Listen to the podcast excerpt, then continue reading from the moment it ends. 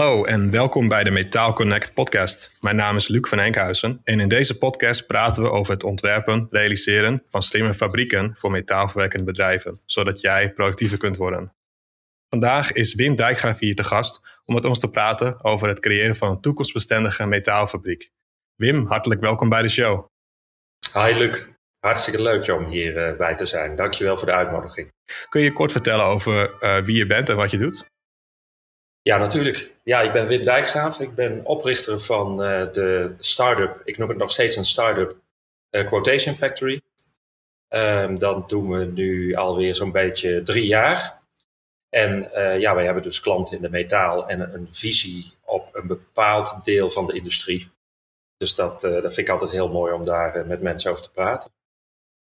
Oké, dankjewel voor je uitleg en super. Um, ja, heel uh, gaaf, want jij bent natuurlijk heel actief op LinkedIn met uh, dagelijkse artikelen te schrijven. En dat was ook een beetje de aanleiding, naast dat je altijd artikelen die je schrijft. Um, eentje, sprong, eentje daarvan sprong heel erg voor mij uit. En dat was namelijk dat je, je schreef over een blauwe oceaan, de Blue Ocean Strategy. Dat metaalbedrijven allemaal een beetje hetzelfde doen. En dat ze, als ze de toekomst willen hebben, dat ze weg moeten blijven uit de commodity-wereld. Um, voor mensen die dat begrip misschien voor het eerst horen, zou je misschien kort kunnen uitleggen wat je daarmee bedoelt en uh, wat het idee is achter de commodity-wereld? Ja, precies. Ja, dus heel even kort iets over mijn achtergrond. Ik heb vrij veel uh, consultancywerk gedaan. Ook een, uh, een, adviesbureau gehad en dergelijke. En ik herinner me nog heel goed een traject wat we deden met Bosch. Dat zat toen in Breda. Volgens mij zijn ze nu verhuisd naar Eindhoven. En dat is de afdeling van Bosch die de uh, intercom, of eigenlijk de systemen bouwt die je ook ziet in het parlement. Dus die microfoontjes. En als ze mogen praten, dan wordt dat dingetje rood. Dat zijn heel vaak systemen van Bosch. Uh, en waar Bosch tegenaan liep, was dat de Chinezen eigenlijk uh, ja, hun producten bijna aan het kopiëren waren. En dat er steeds meer partijen op de markt kwamen die eigenlijk dezelfde producten maakten. En dan wordt het op een gegeven moment, dat is eigenlijk wat, wat uh, je kunt daar een boek uh, over kopen, dat, heet Blue Ocean Strategy. En dat gaat eigenlijk over het feit, je kunt denken in een rode oceaan, waarin het gaat om prijsvechters en een hele hoop concurrentie en iedereen doet ongeveer hetzelfde. En uh, de kunst is dan om je eigenlijk uit die oceaan, om daaruit weg te zwemmen en in een blauwe oceaan terecht te komen, waarin wat je doet in één keer uniek is. Um, en dat is dan bijvoorbeeld een van die trajecten die we met Bosch hebben gedaan, ook via die uh, Blue Ocean, Red Ocean strategie. Ja, gaaf, absoluut. Um, en ook inderdaad heel herkenbaar, want er zijn inderdaad heel veel bedrijven die, die, die beginnen natuurlijk met een uh, plaatwerkafdeling en die zitten op een bepaald kantelpunt van wat gaan we dan doen? Gaan we meer werkingen erbij doen? Gaan we meer activiteiten erbij nemen aan, aan dienstverleningen? Uh, moeten we wel of niet gaan groeien? Um, wat voor advies zou je hebben aan dat soort bedrijven die op zo'n vraagstuk zitten daarin? Ja, ik weet niet of ik één advies heb. Um, misschien wel hoor, maar dan komen we daar zo meteen wel op. Uh, wat je denk ik in ieder geval niet moet doen, is uh, kopiëren. Dus je moet niet meer van hetzelfde gaan doen als wat de bedrijven die je om je heen ziet uh, ook aan het doen zijn. Dus je moet bijvoorbeeld, ik zeg maar even wat, 24-7 uh, Telesteel zou een heel mooi portaal kunnen hebben nou, dat kunnen we met z'n allen gaan kopiëren. Maar het is maar de vraag of dat voor het businessmodel wat je voor je eigen bedrijf voor ogen hebt, of dat ook de ideale oplossing is. Dus ja, mijn advies één, maar ja, dat is natuurlijk uh, heel flauw om dat te zeggen, maar dat is denk vooral, blijf vooral zelf nadenken. En doe niet zomaar wat een ander doet. En probeer je propositie uh, uniek te krijgen. Ja, en soms betekent dat ook dat je echt goed moet nadenken over de klanten die je nu hebt en de klanten die je dan eigenlijk in de toekomst zou moeten willen hebben en wat je daar dan voor moet doen. Mm -hmm. Mm -hmm. Ja, absoluut, inderdaad. En dat soort klanten die, die hebben natuurlijk ook steeds hogere eisen voor de klanten met wie ze zaken, leveranciers met wie ze zaken doen natuurlijk. Uh, weet je, ze, ze willen ook allemaal steeds meer digitaal zaken doen met elkaar. Uh, we hebben natuurlijk ook de opkomst nu in Nederland van het uh, SCSN-netwerk en dergelijke andere uitwisselingsformaten.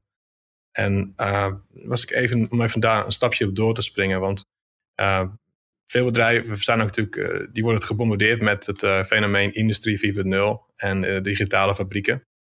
En wat is volgens jou iets, je bent natuurlijk zelf ook vaak met, met metaalbedrijven bezig in gesprek. Wat is iets wat uh, mensen verkeerd te lijken begrijpen volgens jou over Industrie 4.0? Oh, dat is een goede vraag. Ja, dan moet ik hem een klein beetje inleiden. Kijk, onze, onze beoogde klanten zijn metaalbewerkers. En uh, ik ben zeg maar CEO van een bedrijf wat daaraan diensten uh, levert. Dus ik vind het heel belangrijk dat ik de wereld van mijn klant eigenlijk nog beter begrijp dan de klant zelf. En um, nu ongeveer een half jaar ben ik daar dat ik um, echt daaraan de tijd kan besteden die ik vind dat uh, daarvoor nodig is. Dus ik heb me echt uit mijn eigen bedrijf kunnen losweken en ik kan veel ja, ruimer naar de wereld kijken. Um, dus ik heb eigenlijk vier dingen bestudeerd. Dat is industrie 4.0, logistics 4.0, dus logistiek 4.0, supply chain 4.0 en als laatste e-procurement 4.0. Um, en het is, ik heb in dat, die zoektocht gemerkt dat het lastig is om duidelijkheid te krijgen over wat elk van die dingen nou eigenlijk inhoudt. Uh, en als je een bedrijf bent in Nederland, dan heb je het in die zin makkelijk. Want er zijn allerlei overheidsorganisaties waar je kunt aankloppen. En die hebben dan allemaal workshops daarvoor. En die helpen je op weg om dat je gaat begrijpen wat het dan eigenlijk is. Zelf zie ik dat er eigenlijk maar één term is, maar dat is een rotterm, maar die omvat alles. En dat is een cyber-physical system. En een goed voorbeeld van een cyber-physical system is bijvoorbeeld een vliegtuig, hè, die kan autonoom vliegen. Uh, en dat is eigenlijk waar industrie, waar al die 4.0 varianten naartoe gaan. Dat is dat we uh, systemen ontwikkelen waarin de mens steeds meer kan gaan toekijken. En waarin het systeem, in de breedste woord, zin van het woord, hè, uh, steeds autonome beslissingen kan nemen. Um, ja, en in die zin is het voor een metaalbewerker best wel een ver van mijn bedshow, kan ik me voorstellen. Als je wereld de fabriek is en de machines en het, en het harde materiaal. Omdat hè, met 4.0 alles steeds abstracter wordt. En je er steeds minder grip op lijkt te, te, te kunnen krijgen. Ja, heel ja. herkenbaar inderdaad. Ja, veel, steeds meer software wordt een beetje een soort van black box. Waar er gaat uh, iets in, een uh, bestand. En in één keer doet de machine die, die werkt daarmee. En als je dan nu nog moet weten wat alle individuele stapjes zijn die in zo'n proces gebeuren, dat is haast niet meer te bevatten. Laat, laat staan inderdaad als het zo meteen gaat naar uh, de modellen dat ze zelflerend worden, uh, AI, dan, dan is er eigenlijk helemaal geen, geen normale logica meer. Hè? Dan, dan, dan gaan we meer richting de neurale, hoe onze hersenen werken. Dat is niet lineair. Klopt. Dus dat, dat, ja. Ja. ja super gaaf. Um, maar als ik dus even terug te komen op de vraag van wat mensen dan verkeerd begrijpen, of lijken vaak verkeerd begrijpen over Industrie 4.0, um, dan, dan zeg je eigenlijk van ja, er, er zijn dus eigenlijk veel meer bewegingen. En het idee is dat het niet dat het dus een, een stukje software is wat je koopt, maar je, je, je gaat maken transitie naar een cyber physical system. Of een, uh, begrijp ik het zo goed? Of zou je nog iets aan toe ja, voegen? Ja, precies. Dus je kunt proberen industrie 4.0 te begrijpen. En daar kun je mm. allerlei onderwerpen uitpakken. Hè? Dat, heeft een, ja. dat heeft een onderwerp Internet of Things, dat heeft een onderwerp uh, Big Data, dat heeft een onderwerp uh, Machine Learning. Je kunt er een hele waaier van maken. Mm de vraag is even of die waaier het meest interessante is. Of, of dat je moet gaan kijken van kan ik inschatten hoe dan de toekomst eruit gaat zien als we met z'n allen een bepaald niveau van industrie 4.0 hebben bereikt. Mm-hmm. En ik denk dat dat voor een ondernemer eigenlijk nog veel interessanter en belangrijker is. Want dan weet hij waar zijn bedrijf naartoe gaat. En dan kan hij ook wat makkelijker misschien keuzes maken welke ingrediënten van industrie 4.0 voor hem dan belangrijk zijn. Ja, absoluut, inderdaad. En als je dan uh, even door een glazen bol zou mogen kijken, uh, dat is een kristallenbol moeten we dan zeggen. hoe, hoe, zie je, hoe ziet die toekomst denk je voor jou eruit op korte termijn? Hebben we het over vijf jaar, tien jaar dat dit soort grote veranderingen gaan komen? Hoe snel denk je dat het gaat? Ik zit zelf, dus waar ik naar kijk en de visie die ik nu aan het ontwikkelen ben, dat gaat over een tijdspanne van, ik denk maximaal vijf jaar. Ik denk dat het dat we echt, uh, je hebt zo'n exponentiële curve. We mhm. hebben heel lang zitten, zitten ja, aanmodder is niet het goede woord, maar er is heel veel gebeurd. En op een gegeven moment gaat dat exponentieel omhoog. En ik denk dat we echt aan het begin zitten van die, uh, van die curve. Mm -hmm. Waar zul je denk je in de metaalbranche, de metaalbewerkende of verwerkende branche, als eerste de grootste transformaties gaan zien in dat dit gaat gebeuren? Ik denk zelf dat dat, ja, dat klinkt heel raar, dat dat eerder buiten de fabriek zelf zal gaan gebeuren dan binnen de fabriek. Oké, ik luister. En wat ik daarmee bedoel is, uh, je kunt naar industrie 4.0 kijken en hoe je dat als fabriek kunt uh, toepassen. En dat moet je doen, hè? Ik zeg niet dat je dat niet moet doen. Alleen de valkuil, maar dan kom ik misschien toch terug op een valkuil van de vraag van daarnet, is dat je te veel kijkt naar de muren van je fabriek zelf, terwijl de buitenwereld misschien nog wel veel harder aan het veranderen is. Um, en wat ik daarmee eigenlijk bedoel is, um, ja, dan, dan, kom ik eigenlijk toch op het onderwerp e-procurement uit. Ik denk dat de, de klanten van de metaalbewerkers hoe ze omgaan met de vragen die ze hebben, hè, de behoeften die ze hebben. Dus wat ze gemaakt willen hebben, dat dat, dat uh, proces dat dat heel anders ingericht gaat worden de komende vijf jaar. Mm En dat dat ook kan vanwege bewegingen zoals uh, Industrie 4.0, Logistics 4.0 en, en Supply Chain 4.0. Oké. Oké, okay, dus super gaaf. Ik, ik kan me trouwens voorstellen als mensen die nu luisteren en uh, ze horen al die termen nu opnieuw, e-procurement. ja. uh, zou je misschien even kort kunnen, in een notendop kunnen uitleggen wat dat inhoudt eigenlijk? Ja, dus, dus stel je bent een, een, een, fabriek, een metaalbewerker, dan krijg je offertes binnen.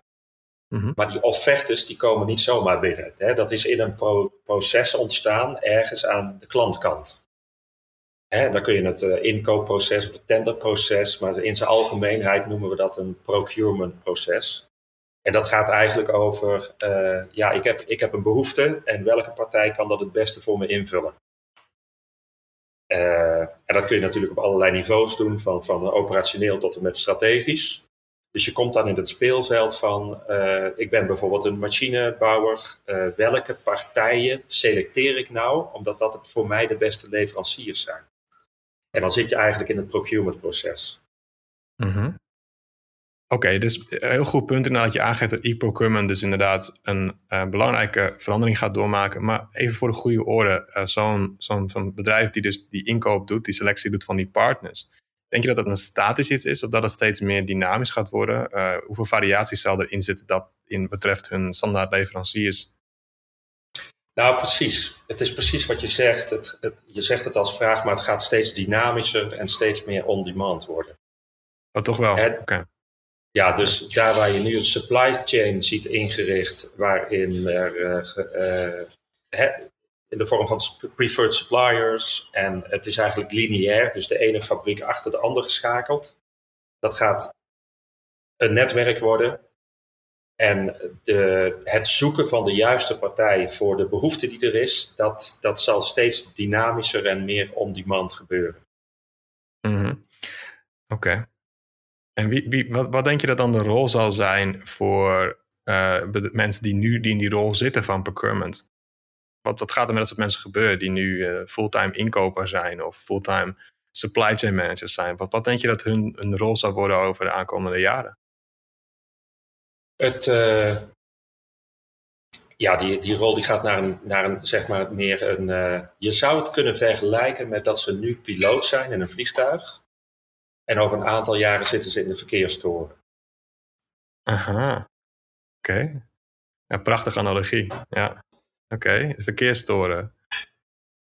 Ja, dus kijk, een, een machinebouwer heeft er alle baat bij dat, dat je snel kunt schakelen dat als er in de supply chain ergens een, een kink in de kabel komt, dat je snel een alternatief kunt vinden. Uh, en door de digitalisering uh, krijg je straks een cloud waarin eigenlijk je hele supply chain digitaal met elkaar communiceert en aanwezig is. En kun je heel snel als een soort verkeerstoren, mocht het nodig zijn, uh, andere suppliers inschakelen. Mm -hmm. Oké. Okay. Dat klinkt uh, als een hele dynamische toekomst dan eigenlijk, zo uitlegt. En uh, krijgen we dan een, een beetje een Schiphol-situatie dan uiteindelijk? Of, of, ja, ja dat, dat, is dan een slecht voorbeeld even natuurlijk. Maar ja. hoewel volgens mij het probleem in Schiphol meer in de, in de ontvangsthal in de vertrekhal zit dan in de verkeerstoren. Ja, ja, inderdaad. Laten we daar maar niet te diep over ingaan hoe het dan met de laag betaalde krachten uh, zit natuurlijk. Uh, die, hoe dat uitwerkt op je fabriek als je dat uh, te lang uitknijpt. Denk ik ook wel een belangrijk punt wordt.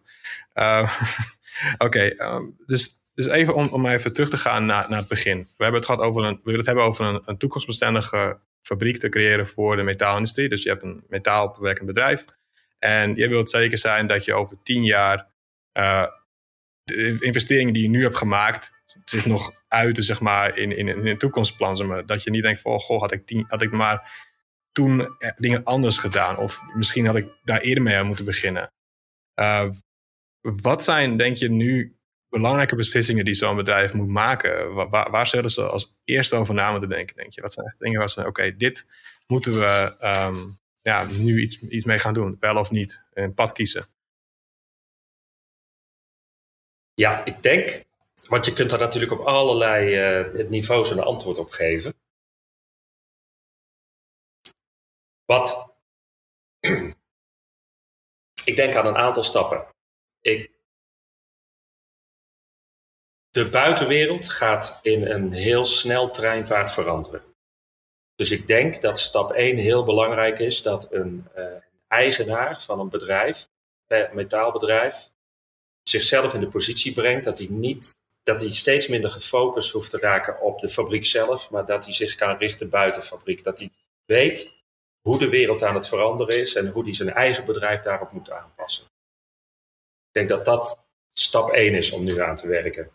Een andere stap is dat daar waar er natuurlijk met digitalisering of wat voor technologie ook er laaghangend fruit is in je fabriek, moet je dat absoluut uh, uh, aanpakken. Dus als cobots helpen of, uh, of AGV's of wat er ook allemaal is, doen. Um,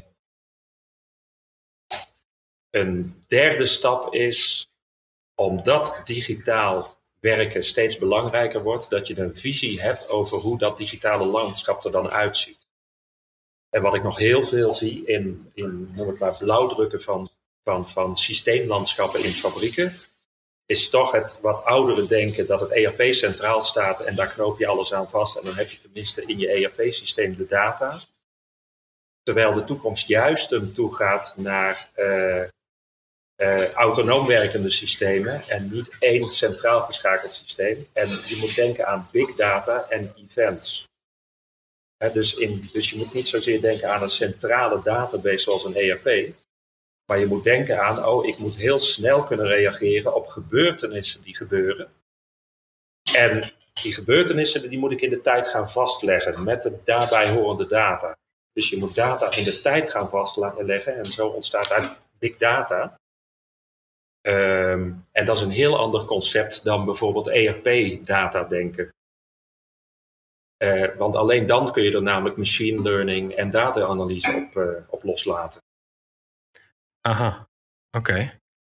Het is, uh, er zit een hoop stof van, van materiaal. Oké, okay, eh, dus inderdaad, we, hebben, we, gaan nu hebben over machine learning, big data. Mm, waarschijnlijk kan dat niet zonder de cloud, neem ik aan dan.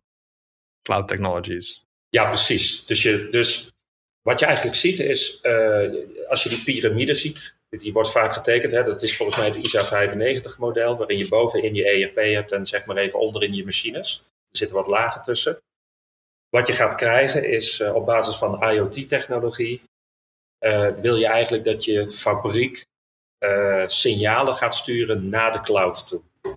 Die signalen leg je daar vast.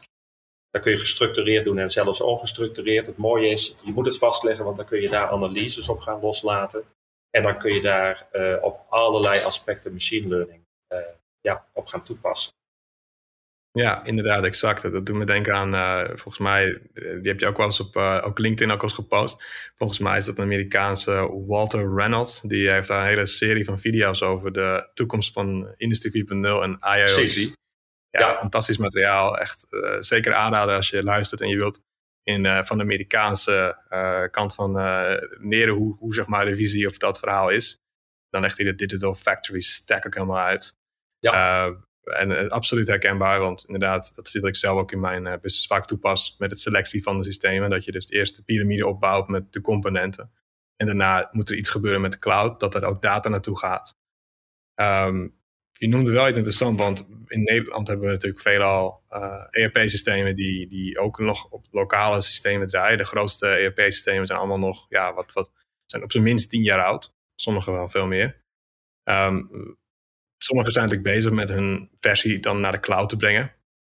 Uh, maar wat ik dan vaak zie is dat die ERP-systemen dan alleen de database in de cloud zetten, maar niet eigenlijk het product opnieuw ontwerpen voor wat jij nu beschrijft. Uh, hoe kijk jij daarna tegen zeg maar, enerzijds de, de gevestigde orde aan bedrijven en denk je dat, dat daar nog die innovatie uit gaat komen? Of denk je dat, dat je misschien ergens anders moet kijken? Hoe, hoe zie jij dat?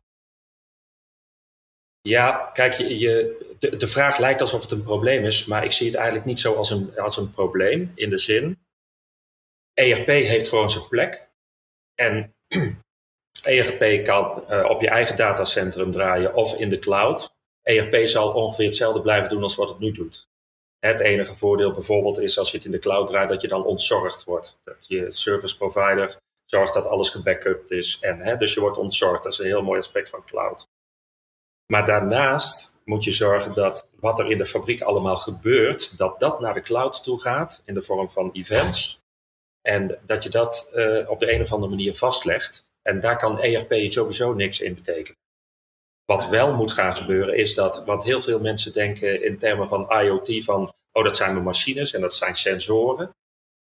Maar het is veel meer dan dat. Het feit dat je een aanvraag binnenkrijgt, dat zou eigenlijk een event moeten worden in de cloud.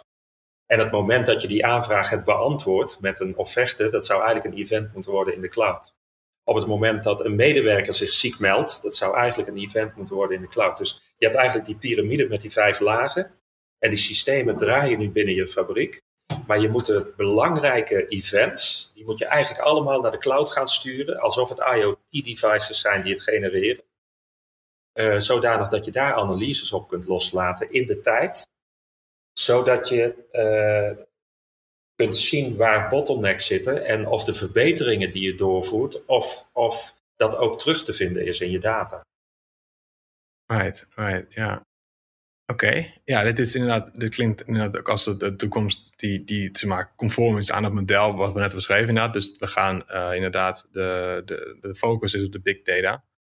Um, maar er zijn ook veel bedrijven die nu aan de slag gaan bijvoorbeeld met programma's die daarin gespecialiseerd zijn. Bijvoorbeeld process mining of uh, robotic process automation en process mining samen. Dat is natuurlijk een, uh, een aantal van die pakketten die nu heel groot aan het worden zijn.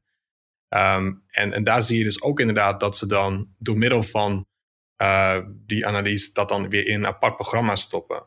Denk je dat dat een goed voorbeeld is van hoe je dat zou moeten doen? Of hoe kijk jij daarna tegen die opkomst van die, die, die process mining uh, bedrijven nu? Ja, daar, daar zit niet zo mijn, mijn expertise. Um, ik, ik, conceptueel snap ik het, hè, maar de producten of de dienstverleners zelf ken ik, uh, ken ik iets minder. Wat, wat je denk ik wel altijd ziet is een, uh, er zijn golven. Dus dit is nou deze innovatiegolf. En op een gegeven moment is er behoefte aan standaardisatie. Want je wil deze technologie weer op een nieuw plan trekken. Dus bijvoorbeeld, uh, je hebt je eigen berichten en dergelijke en dan kun je je eigen analyses op doen. Nou, op een gegeven moment is dat voor elkaar. Maar dan kom ik terug bij die, uh, hoe zeg ik, die verkeerstoren. de, Straks is de verkeerstoren bedoeld voor je fabriek, maar straks heb je een verkeerstoren nodig over meerdere fabrieken heen.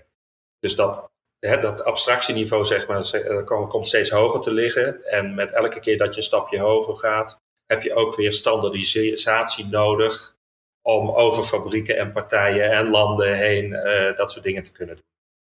Mm. Oh, oké. Ja, ik vind je analogie van uh, de verkeerstoren en het vliegtuig wel echt heel, heel, mooi inderdaad. Dat het vliegtuig eerst zichzelf leert vliegen. Het vliegtuigen landen en stijgen nu al bijna een soort van automatisch op natuurlijk. Uh, en, en dan heb je dan de cruise control en een volledige autonome vlucht.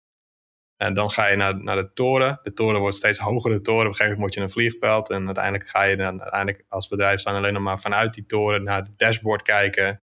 Uh, dat doet me denken trouwens aan een analogie die ik jaren geleden een keer geleerd van een, een marketing uh, trainer. En uh, het is misschien wel leuk om te vertellen nu in dit, deze context. Die zei van, kijk, als jij je bedrijf runt en vooral marketeers, die hebben heel erg uh, te maken met, met enorme, ze moeten een return of investment halen. Dus wat ze erin stoppen, moeten ze eruit halen.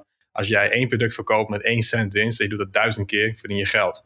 maak je 1 cent verlies per transactie, verlies je een hoop geld. En dus wat zij moeten doen, zij moeten continu naar dat dashboard kijken van wat gebeurt er nou precies met mijn geldstromen? Want als ik 1 euro advertentie koop, uh, wat krijg ik daar dan concreet van terug? En dan moet je de hele funnel, noem je dat, dan eigenlijk uitrekenen in, uh, in stapjes. Dat zijn alle, de, ja, dus de, de, dat wordt steeds smaller, de trechter. Ja. En ik denk dat dat eigenlijk hier ook een beetje nu gaat gelden voor de metaalbedrijven. Nu is het eigenlijk een beetje het onderbuikgevoel. Uh, Oké, we doen het wel of niet goed. We kijken einde van het jaar misschien naar de, naar de jaarcijfers. Oh, we hebben dit jaar goed gedaan. Kunnen we volgend jaar weer een machine kopen? En, en, uiteindelijk, ik denk dat, we, dat je ook in de, nu komt dus de, de analogie, in de metaalindustrie ook naar een bedrijf moet gaan waarin je business instrument rated bent. Dus je kan eigenlijk blind gaan vliegen op jouw instrumenten die op je dashboard zitten. In plaats van dat je continu moet gaan kijken in alle systemen en alle uh, aan, aanverwante opleidingen. Hoe groter je wordt, hoe meer vestiging je hebt, hoe meer dat eigenlijk belangrijk gaat worden. En dat je gewoon één bestuurstoren hebt dan inderdaad, waaraan je dus uh, de leiding kunt geven aan de, alle fabrieken eronder. Ja. Als ik het zo vertel, spreekt dat je aan zeg ja, dat is het wel. Of misschien moeten we hierop letten. Ja, nou, dat is het wel. En het is eigenlijk nog mooier omdat wat een verkeerstoren ook doet, die kijkt naar weersomstandigheden. Dus wat er is er, uh, die kijkt niet alleen naar de vliegtuigen, zeg maar, maar die kijkt ook naar de weersomstandigheden. Ja, ja. En stuurt op die, die manier bij en zegt, nou, jij moet daar uitwijken, jij moet daar uitwijken. Uh, en dan ga ik mezelf tegenspreken.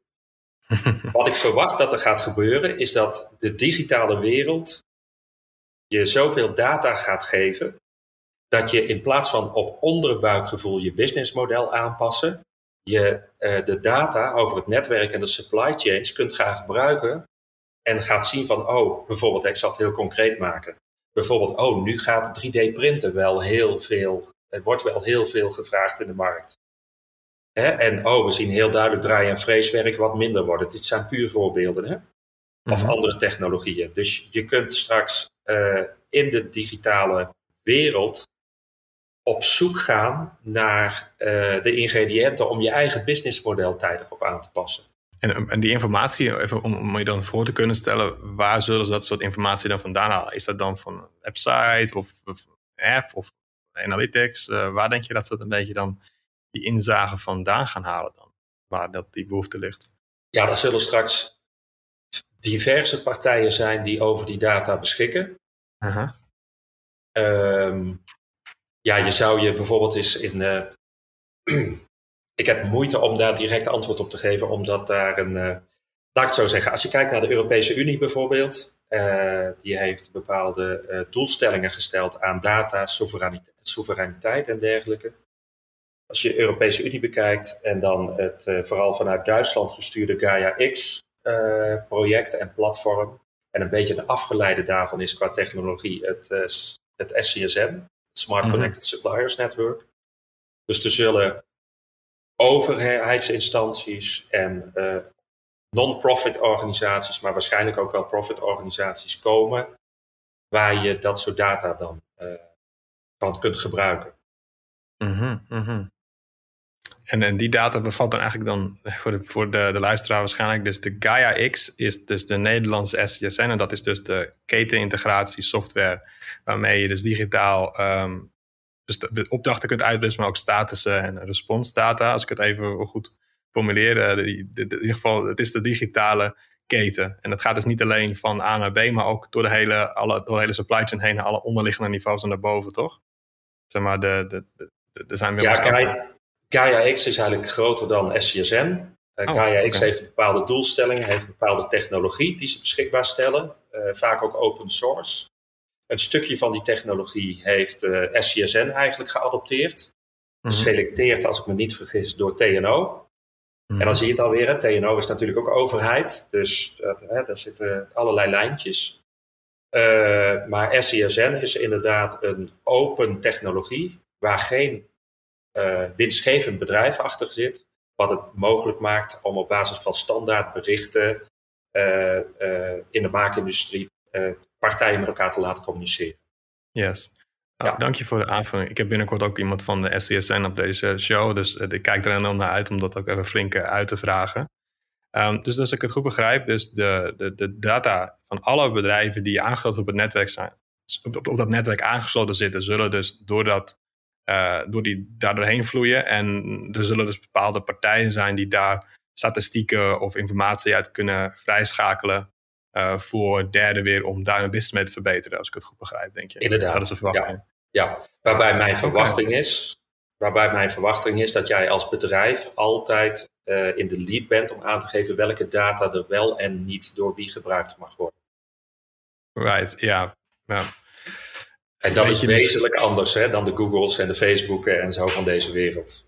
Oké. Wauw, ja, ja absoluut. Nou, nu we het hierover hebben over de centrale uh, grote spelers. TNO is natuurlijk een groot bedrijf. Uh, de overheid is natuurlijk een giga uh, iets.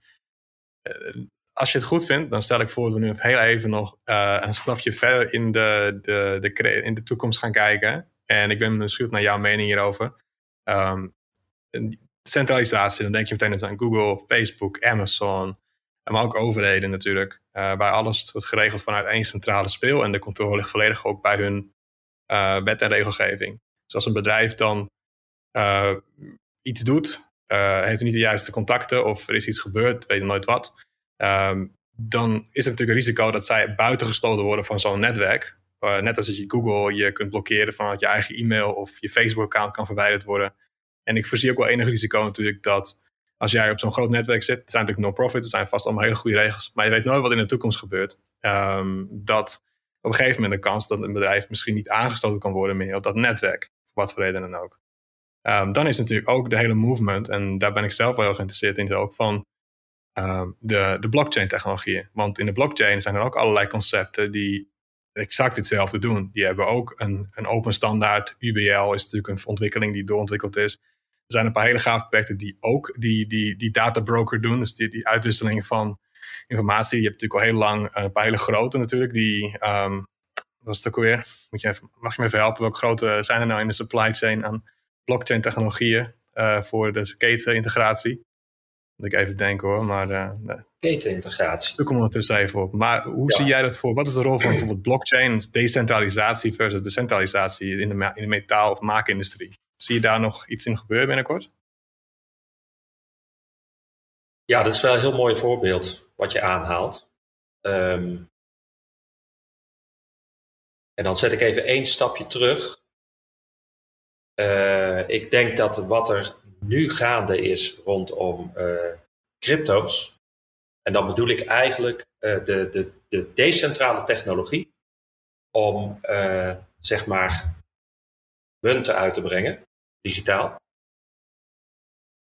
Die beweging die gaan we straks ook weer zien, denk ik, qua digitalisering, ook voor bedrijven. Dus nu, nu is er een soort gevecht gaande van uh, autonoom kiezen als burger en uh, uh, het gebruiken van decentrale technologie, waardoor je banken en dat soort gecentraliseerde organisaties niet meer nodig hebt, of veel minder. Wat ik denk dat qua digitalisering van, uh, van zeg maar bedrijven gaat gebeuren, is dat in sneltreinvaart de overheid de overhand gaat krijgen. En dan heb ik het vooral even over Europa. Want Europa is daar heel transparant in. Je gaat gewoon naar de Europese site toe, zou ik maar zeggen. En je ziet gewoon wat ze van plan zijn te realiseren de komende tien jaar. En ik denk mhm. dat ook daar weer een tegenbeweging in komt om dat, dat, om dat meer te, te decentraliseren. En dan ook weer meer, noem het maar even, macht bij het bedrijf zelf neer te leggen. Oké, ja, inderdaad. Trouwens, de, de projecten waar ik aan dacht, er zijn natuurlijk, uh, was een van de namen die in jaren geleden heel erg doorbrak, was IOTA. Was een zo'n uh, blockchain technologie voor uh, smart everything. Smart devices, smart machines, smart supply chain. En je kon daarin dan inderdaad uh, jouw data onderbrengen, uh, die je dan vervolgens zelf weer kunt verkopen als je dat zou willen. Of je kunt de, de machine daar. ja, er was heel, heel, heel, veel use cases met dat. Ik moet nog eens iemand spreken erover een specialisme daarin heeft. Ja. maar inderdaad, wat jij zegt, de, de, de rol van, van overheden is denk ik heel belangrijk in, in de toekomst. Maar uh, een andere site, je, waarschijnlijk, ik ben zelf, ik geloof dat er wel een goede motivatie achter al die ontwikkelingen zitten. Uh, iedereen wil gewoon vooruit en wil gewoon een toekomstbestendige uh, wereld maken. Weet je, die wens een, een duurzame wereld. en en dat, in die zin is het natuurlijk heel goed dat we dat alle dingen nu gebeuren. Dus ik ben ook enthousiast dat die trajecten nu gebeuren. Ik zelf ook, ik ben er ook enthousiast over hoor. Ja, zeker. Maar ik ben natuurlijk, ik heb verstand van digitale technologie, dus ik zie ook hoe makkelijk het, het, door Jan en Alleman misbruikt kan worden als we met z'n allen niet uitkijken. Dus we moeten daar ook weer niet te naïef over zijn. Ja, ja, precies, inderdaad. Ja, dus inderdaad altijd wel een beetje scherp blijven over dat je overal over na gaat denken. Ehm, oké, ehm, nou, ik, ik denk toch echt een paar hele gave onderwerpen. We zijn begonnen natuurlijk met wat maakt een bedrijf toekomstbestendig en de vraagstuk wat helpt de toekomst in. Um, je gaf aan dat bedrijven moeten dus zelf gaan nadenken over hoe ze zichzelf kunnen neerzetten als een, uh, hoe ze, hoe ze zeg maar, een, een concurrentiepositie sterk kunnen houden door vanuit de Rode Oceaan naar de Blauwe Oceaan te zwemmen. En op een gegeven moment kom je dus aan land en dan ga je in de verkeerstoren zitten en dan daar alles te, te managen om jouw blauwe oceaan. Dan vanuit de, de dashboard met de cockpits waar alle, data samenkomt. Uh, heb ik het zo een beetje goed samengevat? Uh, wat we besproken hebben? Ja, mijn samenvatting zou zijn: probeer niet te winnen, maar probeer het spel steeds slim mee te blijven spelen. Want er valt niks te winnen. De enige kunst is dat je kunt blijven meedoen in het spel wat nooit ophoudt. Yes. En wat de komende tijd het heel moeilijk maakt, is dat het niet meer over die machines gaat en de processen in je fabriek. Maar de digitalisering gaat ervoor zorgen dat je straks wel of niet of makkelijker kunt blijven meespelen. En dat is mm -hmm. een hele andere tak van sport dan wat metaalbedrijven uh, over het algemeen als competentie hebben. Ja, ja, inderdaad. De metaal is natuurlijk een vakmanschap. Uh, de, de, ik heb ja, je, je, bent natuurlijk daar goed in, je bent daarin opgeleid. Dat is waar je je, je trots uit haalt. En ja, dat je een groene knop op een machine indrukt. En dat er vervolgens een robotkarretje naar de deur uit en het in een vrachtwagen laat. En dat je dan een vrachtwagen naar, voren ziet rijden die ook al zelfsturend is. Ja, wat, wat is dan een vakmanschap aan op een gegeven moment, hè? Ja. Ja. Maar goed, dat nieuwe vakmanschap, ik denk dat dat inderdaad wel de digitalisering gaat worden ook. Voor de toekomst ontwikkelen. Ja. Uh, ja, dat is een mooi woord wat je daar gebruikt, want je zegt nieuw vakmanschap. Inderdaad, ja. het oude vakmanschap blijft wel, maar dat zal steeds meer gemechaniseerd worden. Ja. Maar er komt wel nieuw vakmanschap voor in de plaats. Ja, ja inderdaad. Uh, ja, een paar van mijn klanten ook, die zijn ook helemaal, uh, helemaal actief gegaan met eigen Python scripts maken, eigen Arduino's die ze dan aan hun uh, machines nog hangen, met, met dan data uit ontsluiten. Uh, dus, dus inderdaad, ja, dat, dat zie ik ook zeker wel. Als ik daar mag aanhaken, inderdaad, dat is denk ik een van de belangrijkste skills die je moet ontwikkelen, denk ik. Is dat je toch wel ja, een beetje al meer kennis gaat opdoen in de IT-wereld. Want dat gaat zo hard. Het gaat zo. Ja. Ik bedoel, ja, jij bent natuurlijk ook nu een paar jaar ben je bezig met, met de start-up die jij nu hebt. En uh, ja, je hebt natuurlijk ook een, ik, ik, ja, je hebt een enorm mooi product neergezet. Iedereen die ik erover spreek, het is razend enthousiast. En uh, dat is ongelooflijk wat jij qua technologie hebt gebruikt in de cloud. Uh, voor de luisteraars. Dus, dus ja, misschien moet je straks ook even vertellen wat, wat het nou precies doet. Uh, maar ik, ik vind het gewoon heel knap om te zien wat je inderdaad gewoon kunt maken in de cloud tegenwoordig. En hoe snel dat eigenlijk allemaal werkt. En hoe, hoe, ja, hoe anders dat dan in elkaar zit dan dat je ziet bij de, de gangbare pakketten in de markt. Uh, ik vind dat heel gaaf. Ja, um, ja dat is ook is gaaf. Ja, zeker, zeker. Um, even een paar afrondende vragen. zijn er dingen die je ondernemers aanraadt om te kijken of te luisteren of boeken of iets dat je zegt van nou, uh, ik, weet niet waar ik moet beginnen. Lees dit eens een keer of kijk dit eens. We hebben het al gehad over Walker Reynolds uh, met uh, de Intellic Integration, als ik het goed herinner. Ja. Zou je nog een andere tip hebben misschien van de luisteraars om eens een keer te, te bekijken of luisteren? God, ik zou zoveel kunnen noemen, maar de tip die ik eigenlijk zou willen geven dan is als je bezig bent met industrie 4.0, focus je niet alleen daarop, maar neem ook de tijd om te kijken wat logistiek 4.0 is, wat uh, supply chain 4.0 is. En neem ook zeker even de tijd om te kijken wat e-procurement 4.0 is. Mm Want anders navelstaar je en uh, gaan er een aantal dingen zo hard mee veranderen.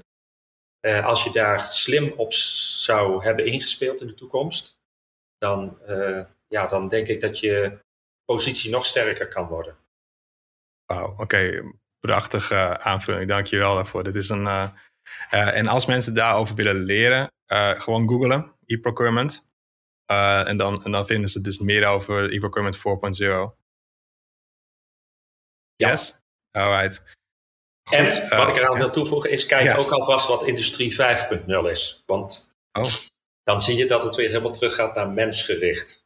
Dus dat is Oh ook alvast heel erg leuk. Ja. Oké, nou, eh, kan je dat in een, in een paar minuten misschien toelichten? Wat, wat het verschil is tussen 3, 4 en 5 in jouw beleving? Want dan, dat is misschien een mooie afronding.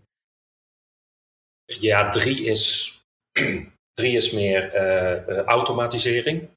Mhm. Vier is eh, autonoom werkende systemen. Dus eh, eigenlijk, cyber-physical systems, als je daar een term aan eh, wilt knopen. Waarin de mens een hele andere plek heeft gekregen in het hele proces. En 5.0 is veel meer, gaat over ja, de, de, aandacht de, voor de mens en de kwaliteit van leven. Wauw, oké. Ja, prachtige, prachtige ontwikkelingen. Eh, dat klinkt echt een, eh, een, een, als een golven die in de zee komen, de ene naar de andere golf. En, dan de mens en de duurzaamheid. Ja, prachtige analogie.